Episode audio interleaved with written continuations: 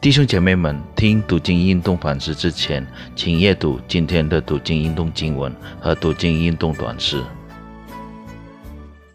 各位主内弟兄姐妹们，大家好，大家平安，欢迎大家收看和收听今天的读经运动反思。非常感谢上帝，还给我们机会能来到他的面前，来思想他的话语，学习他的道路。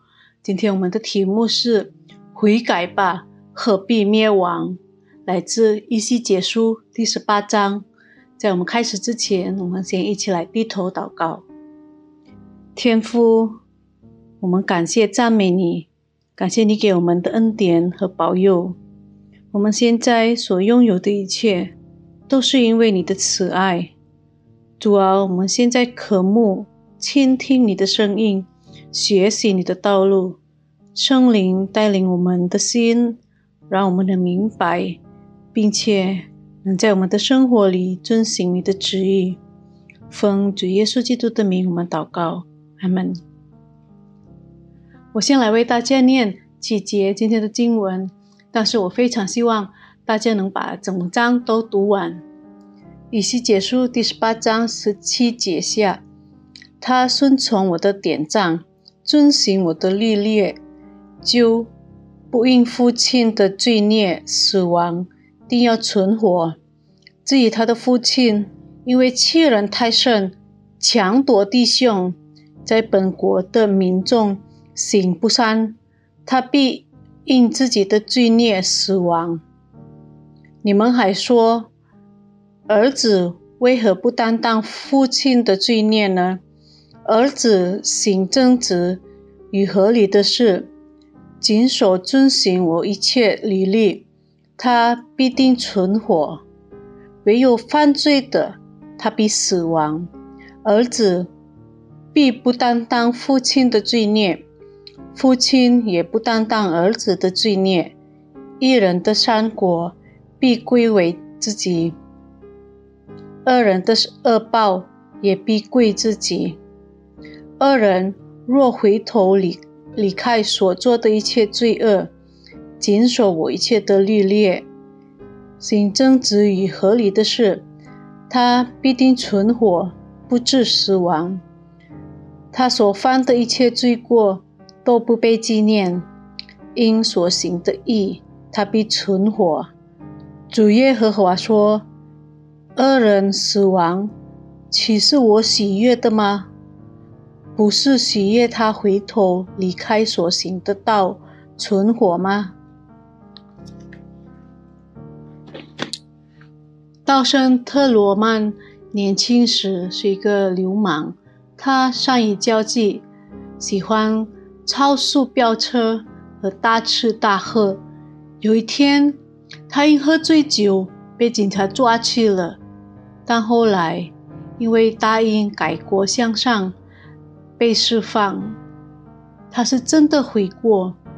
接下来的星期天，他参加了教堂举行的。青年团契，当时他们计划在下一周举办一个背诵经文比赛。背诵的经文是关于救赎。他认真背诵经文，他所背诵的经文大大的影响了他的人生。在上班的路上，他一边思考《约翰福音》第五章第二十四节，一边祈求主耶稣。赐给他永生。在一九三四年，他开始了基督教导行会一个门徒培训施工。你们当回头而存活。本日经文的是第三十二节，是上帝对公正与惩罚极重要的口谕。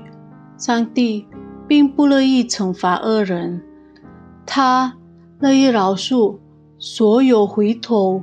转向他的人，这是以斯结书第十八章的主要原则之一。上帝的道德律法因他的仁慈而软化了。新的心和新的灵不是靠人们努力就能得到的，而是上帝所赐的。他已备好赐给所有相信他的人。今天的神经阅读。强调了，我们必须为我们所做的选择负责。先知以斯节传达了犯罪的他必灭亡的原则。这个原则是否和一位个人的犯罪牵连到儿女，甚至牵连到三四代后的规则冲突呢？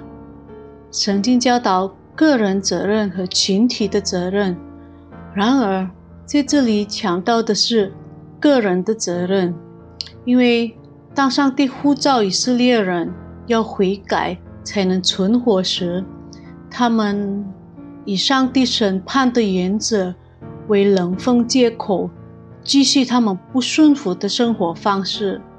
在今天的经文第五到第九节里，描述了。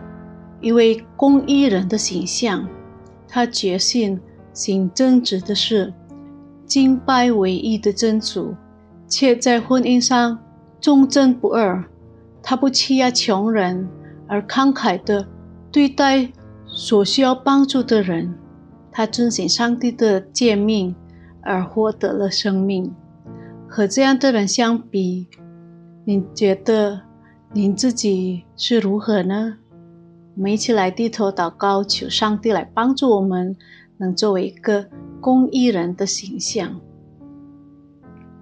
慈爱的上帝，求你赦免我们所有的罪恶，只有你才能解禁我们心灵的误会。